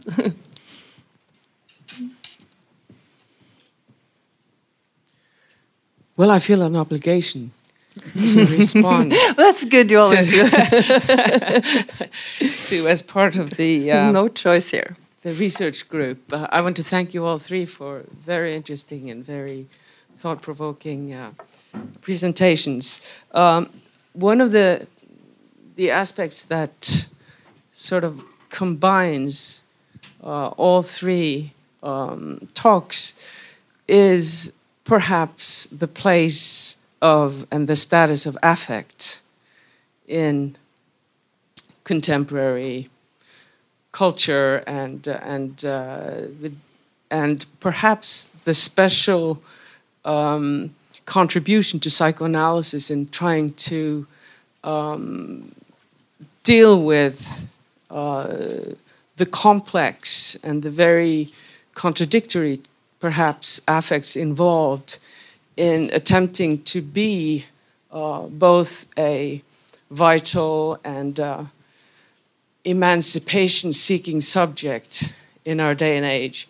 Uh, but uh, if, if we say that, and this is um, something that has come up from different uh, positions within the university system these days, is that there has been an attack on what you could call symptomatic readings, which is basically the foundation of the psychoanalytic method. That is, in dealing with a talking cure or dealing with um, speech, be it political, be it um, personal, um, the role of psycho the, uh, the the value of psychoanalysis lies in its ability to to do a um, or to exercise some kind of hermeneutics of suspicion. That is not to take at face value what is being said either in uh, the, by the patient's speech or in the kinds of political propaganda or whatever we're, we're handed in as subjects of society. So, um, my question would be in terms of, of um, exercising uh, the practice of symptomatic reading, you could say, be it of the neurotic symptoms in the, the patients um, uh, perform or in the symptoms in society. Uh, what is the question of affect here? Uh, where and and how can you, by what authority, in a sense, can you uh, exercise this hermeneutics of affect, or, or or or what place does affect have in this? You could say the rational. Uh, hermeneutics that, that psychoanalysis is trying to, mm-hmm. to, to portray. And, and also, uh, because if it says that this that you no longer um, trust the surface speech or language as it um, comes to you, uh, by what authority uh, do you have sort of a uh, um, some kind of uh, truth uh, in in uh, I'm not using truth in a sort of epistemological term, but but uh, does the psychoanalyst have the ability to unveil the truth behind these deceptive um, this deceptive speech? Yes. Can I can I answer? No, I, I, think it's a very interesting question. Uh, I had three three let's say three points about this. The first one it's uh, maybe I really not agree with the idea of, uh, of a psychoanalysis as a kind of hermeneutics, no? even a hermeneutic of suspicion, no? because of course there is a there is the role of interpretation in psychoanalytical um, um, uh, clinical uh, skills. But um, I have the impression that uh, we deal today much more with uh, transfer then interpretation. No? because let's say there is two, uh, two, two major structures on a psychoanalytical clinical, let's say the, the procedures of interpretation and uh, the dynamics of transfer. No? And uh, of, uh, let's say this first point was very criticized because normally uh, in in psychoanalytical perspective, we will use, let's say, the structures of Oedipal complex and the theory of sexuality to make interpretations no? of symptoms, of formations of unconscious, and so on. No? Uh, a, uh, but let's say even if we use not exactly a semantic interpretation, but a synthetic one, no? a synthetical one, like, for example, uh, in the Lacanian perspective, that much more as a synthetical interpretation than a semantic one, I think that there is uh, another perspective of uh, in, clinical intervenience that is the dynamics of transfer. And then the dynamics of transfer are dynamics of identification, the dynamics of enunciation, and then dynamics of authority. No? And uh, I think that what is what can be uh, a strong uh, contribution of psychoanalysis is uh, it's how the way that we enunciate our desires, no? the way that we create our paradox, the way that we we we create our, our antinomies and of course our symptoms are is, is strongly linked with the identifications that we have made before no? with some figures of authority. No? And then maybe what psychoanalysis can do is not interpret this, no? but de deactivate these identifications. It means uh, uh, you uh, use uh, the affects that, that, that are the base of these identifications no? Uh, and try to deactivate these affects. No? Uh, this is the, the reason, for example, at, at least for me, that um, we cannot describe an analytical set as a kind of dialogue. Uh, we cannot describe the analytical set as a kind of dialogue because a dialogue presupposes a kind of common grammar between me and you. Uh, it means we have, we can, e we, we can even make, uh, um, uh, we can even deal with some ambiguities in language because we had a kind of, of common language. But what is interesting in psychoanalysis is not the presupposition that we can use this common language to try to understand what you want to say when you produce symptoms, when you produce uh, some, uh, uh, um, some acts or, or, or things like that. Uh, because in this way, we, we would accept that, um, um, that that is it's uh, your language is it's it's the common language. The language of your desires is the common language. The language of your dreams is the, is the common language. Then the, uh, the, that uh, this or this language can be translated in the common language. But what is in, maybe is in, interesting in the psychoanalytical perspective is the idea that uh, well, the first uh, clinical step is uh, try to criticize this idea that we have uh, a, a, a, grammar uh, beyond conflicts. Uh, but because, of course, we can have conflicts inside the grammar. That means we have some some values in common and we, we can have conflicts about if there is these values are applied or not but we can, we can have also a conflict about grammars about the existence of, the, of, of a, uh, a, common grammar or, of, or not.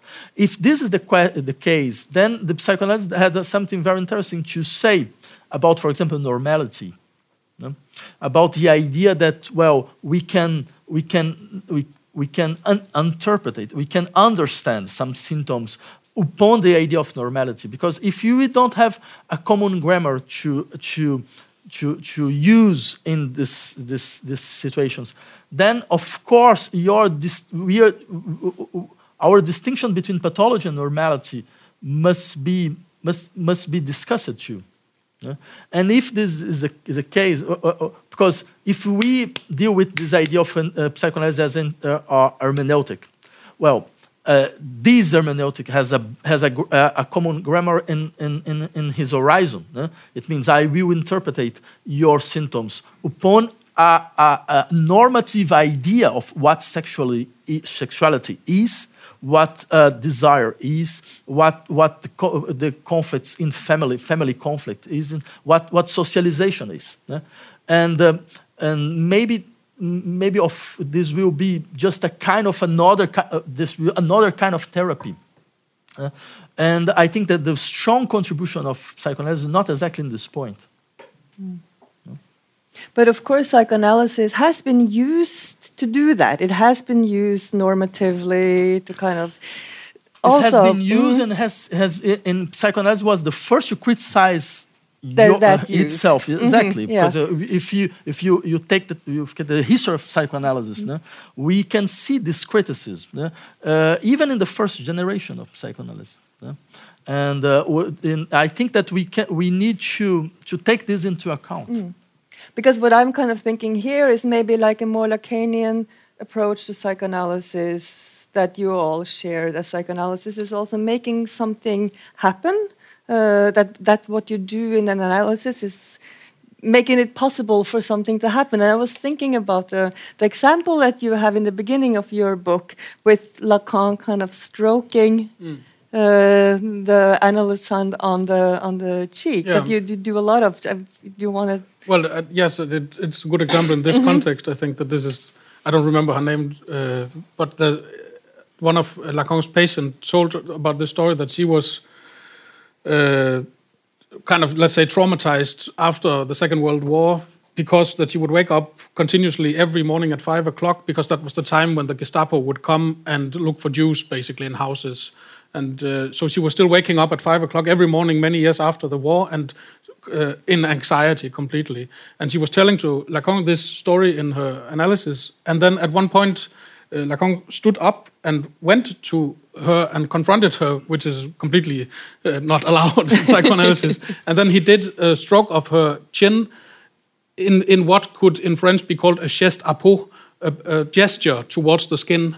And by doing this, and she, she described this as that was an immensely intense moment where suddenly this very strong pathological connection to the word Gestapo itself that woke her up every morning at five o'clock. It was not like then she was suddenly cured, but it was that this suddenly the Gestapo could mean something because it's a homophone in French, Gestapo and geste à peau.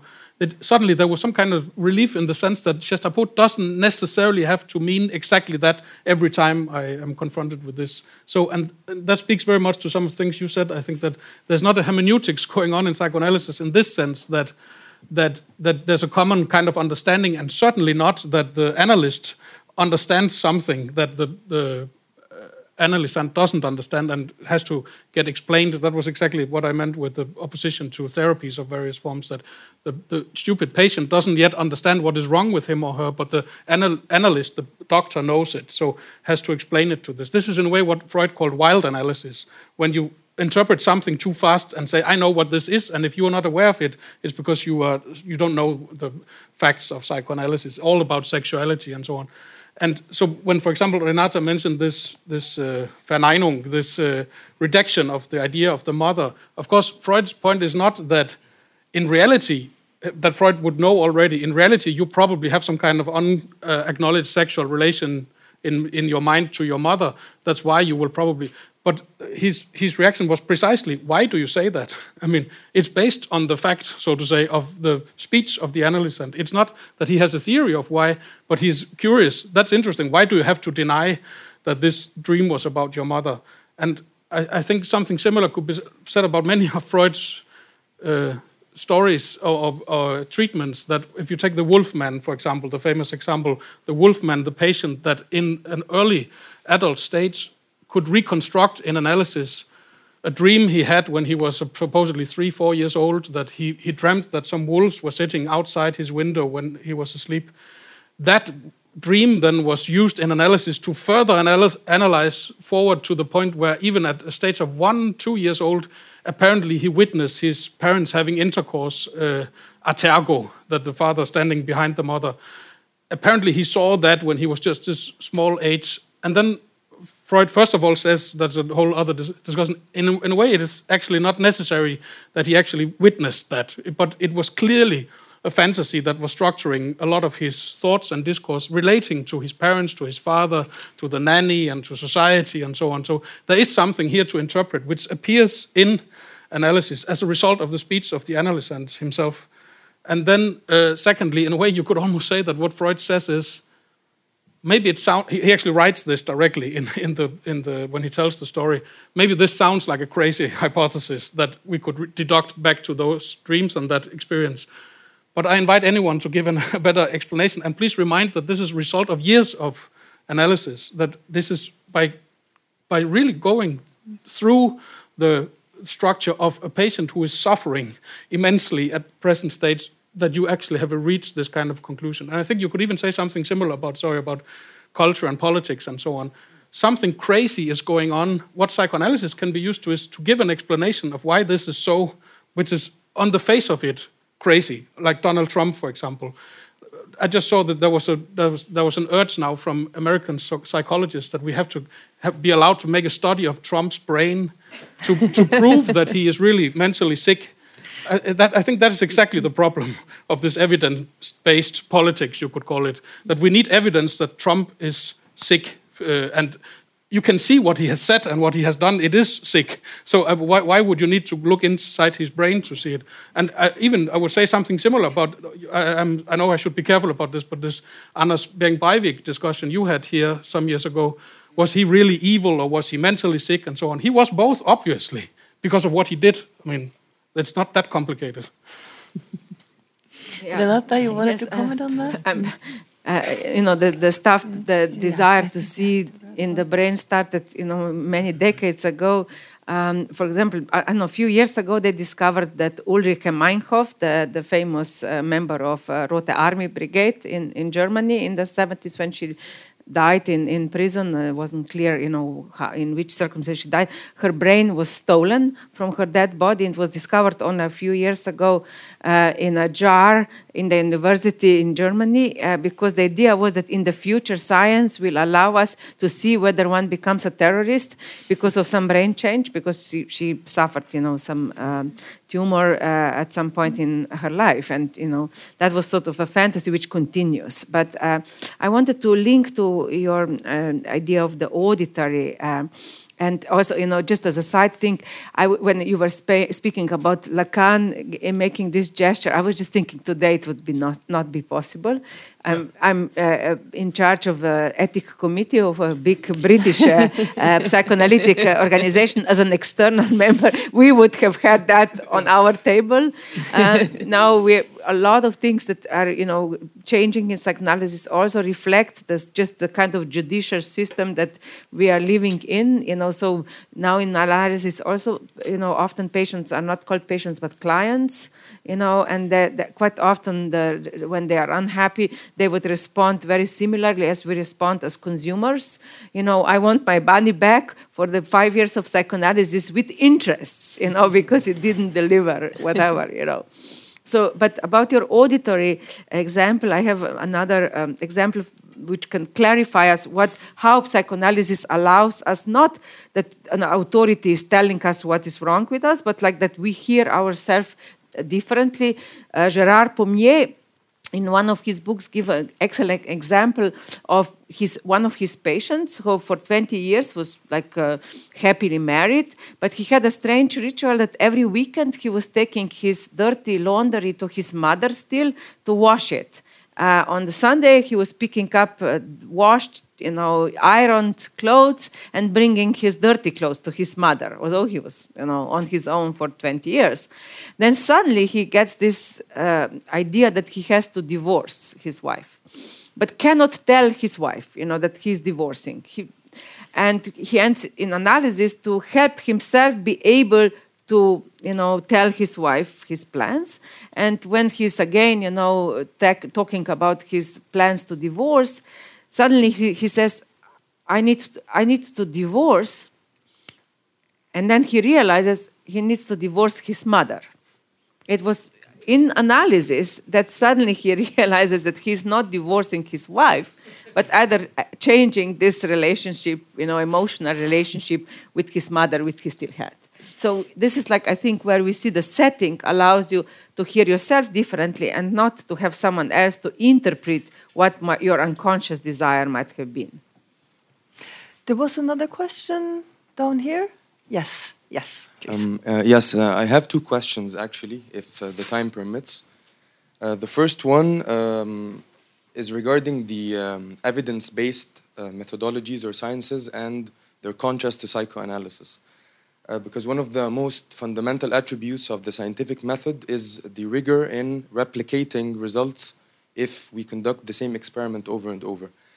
Now, um, Jung once said, Carl Jung, uh, that um, in the interpretation of dreams, the um, analyst, the psychoanalyst, or the um, uh, psychologist should not fall into the trap of getting caught up or coiled up in his own interpretations of what the patient means but should have um, uh, should have the patient be the one understanding what he or, or she uh, thinks, uh, even on a subconscious level. So, in comparison to the evidence-based methods, how does psychoanalysis prevent or safeguard against the the uh, analyst himself projecting his own predispositions or biases onto the patient?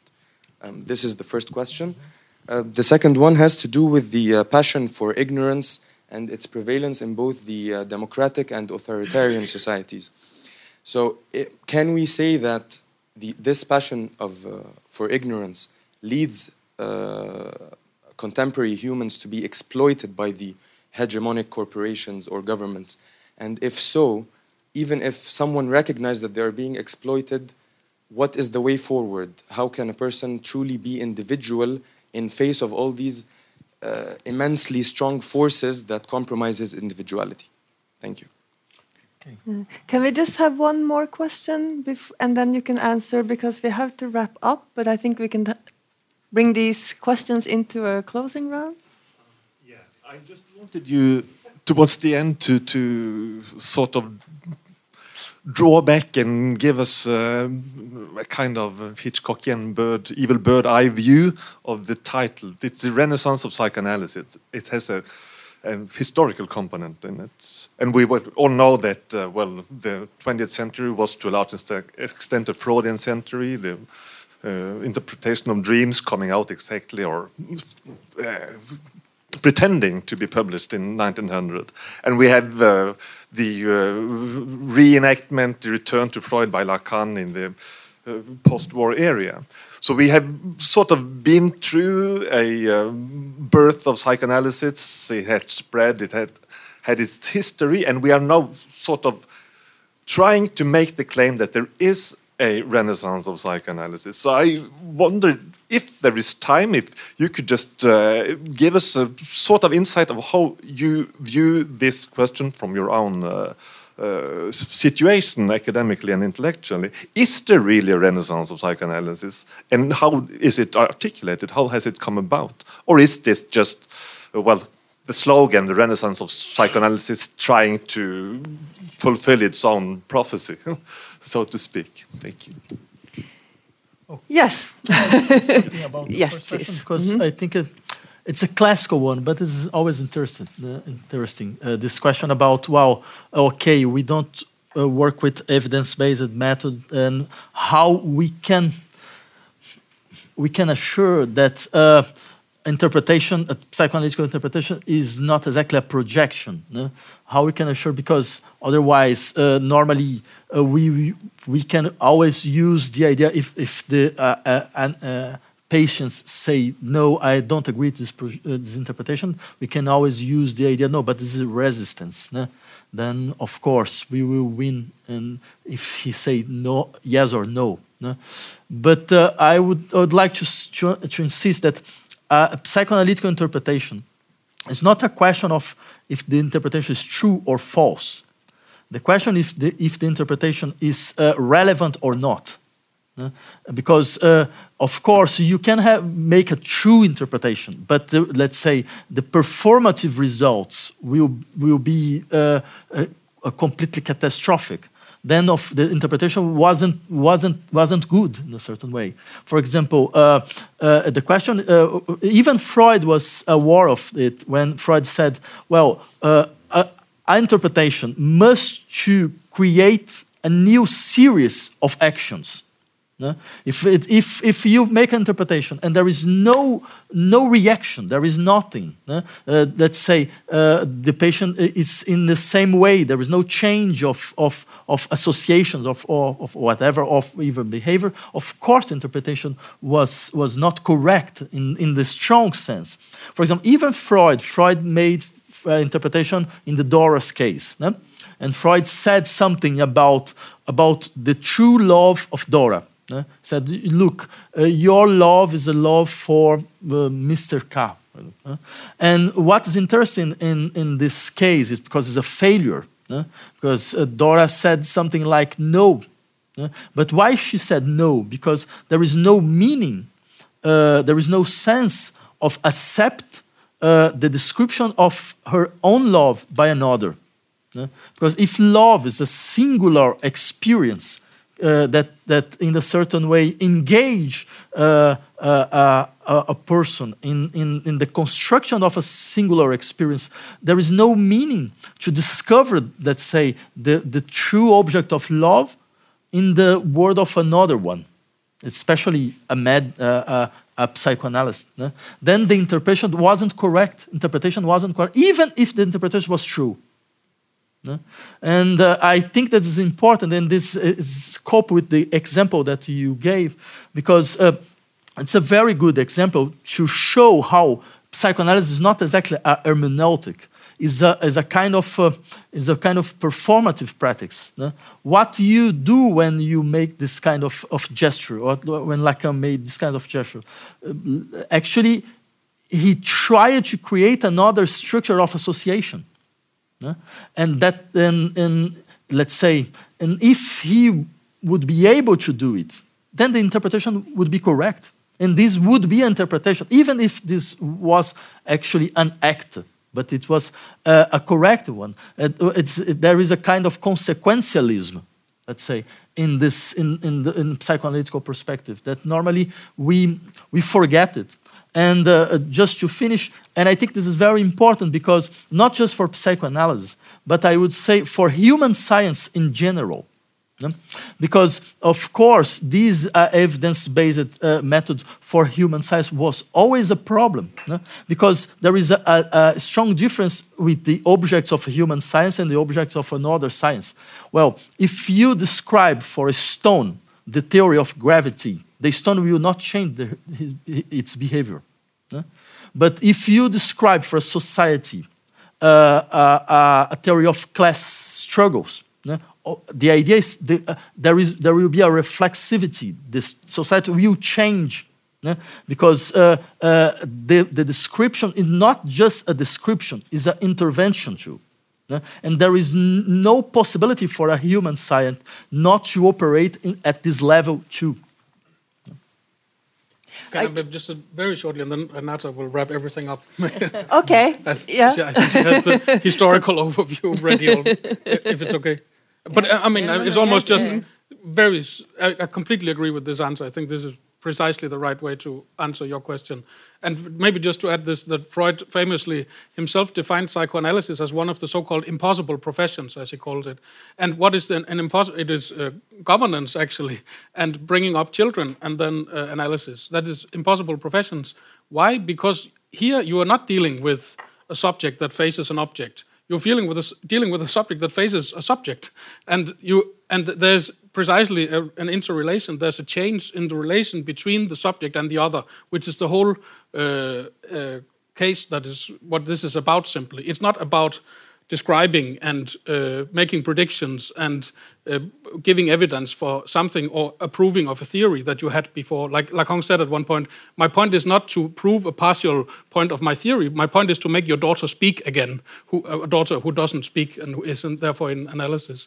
So the, the, there's very much this, let's say in that way, even pragmatic dimension to psychoanalysis. And then that relates then, of course, to the question of repetition. Because, I mean, uh, we had a discussion one time with some colleagues in Denmark where we were, one of the colleagues said that you can never repeat anything in psychoanalysis because everything is always completely unique precisely for this reason. All uh, subjects are unique, all are dealing in their own unique way with this. And then I think the, what then we reminded was the quote from Søren Kierkegaard in his book on repetition, where he says famously that he, he was trying to investigate could he repeat a trip he had to Berlin some years ago and create exactly the same trip. And he a lot of thoughts and reflections on what repetition means. And then at one point he says very nicely, he says something like, I have now uh, established that repetition is impossible. One cannot repeat the same moment or the same gesture or the same event. I have assured myself of that by repeating this endlessly. so there is a kind of repetition, but it's a repetition of that unique. Uh, so you can do something about discussing what is an intervention, what is a technique, how do you relate to the client, how do you relate to the analysand, and so on, and which kind of ethical procedures are appropriate, and so on. All these kind of things you can discuss, and that was what Freud and Lacan and others did all the time. But you cannot prescribe a particular uh, approach or method for doing this. And the whole, I think, practice from Freud's early beginning was precisely to avoid what he called suggestion. When he was dealing with hypnosis first, and realized that hypnosis is really exactly doing that. It's controlling what is going on in the mind of the uh, patient or the analysand. And what we need to do is invent techniques that will exactly not allow the, the analyst to, to, to decide the course of speech, so to say. Unfortunately, we are out of time, but I just remind you that we have four more events to continue discussing it. I really want them to take up your suggestion and let Renata just wrap it up at the end in a one minute before we leave, and I can thank you the all. gentleman uh, asked a, a billion dollar question about the power of the corporations in times of uh, passion for ignorance. Uh, I would say that uh, you know the the problem is precisely that in today's times the opacity of how corporations are functioning, how ideologies functioning, is truly creating a certain kind of a cognitive inertia where we can say that sometimes this kind of a indifference that that people show might actually not be so surprising. Uh, you know, I'm, I'm not uh, perceiving uh, the passion for ignorance as in, in, a purely kind of a negative way. I'm more perceiving it as a subjective, you know, strategy. And we must say that, you know, in, in midst of all the uh, information and opacity of the power structures, you know, it is one of the uh, sort of like kind of responses which for us coming from psychoanalysis is interesting to look at. But we should not forget that without the passion for ignorance, we would not be, fall, be, be falling in love. You know, we would even not be able to sleep in a way, that even, you know, kind of the, the ability to forget or, you know, active forgetfulness, what Nietzsche was already speaking about, is also an essential human, uh, you know, sort of a capacity. Well, thank you to all of you. We still have to debate whether or not this really is a renaissance and in what sense it is a renaissance, but we will have time for that. And please thank our panel. Thank you. Thank you.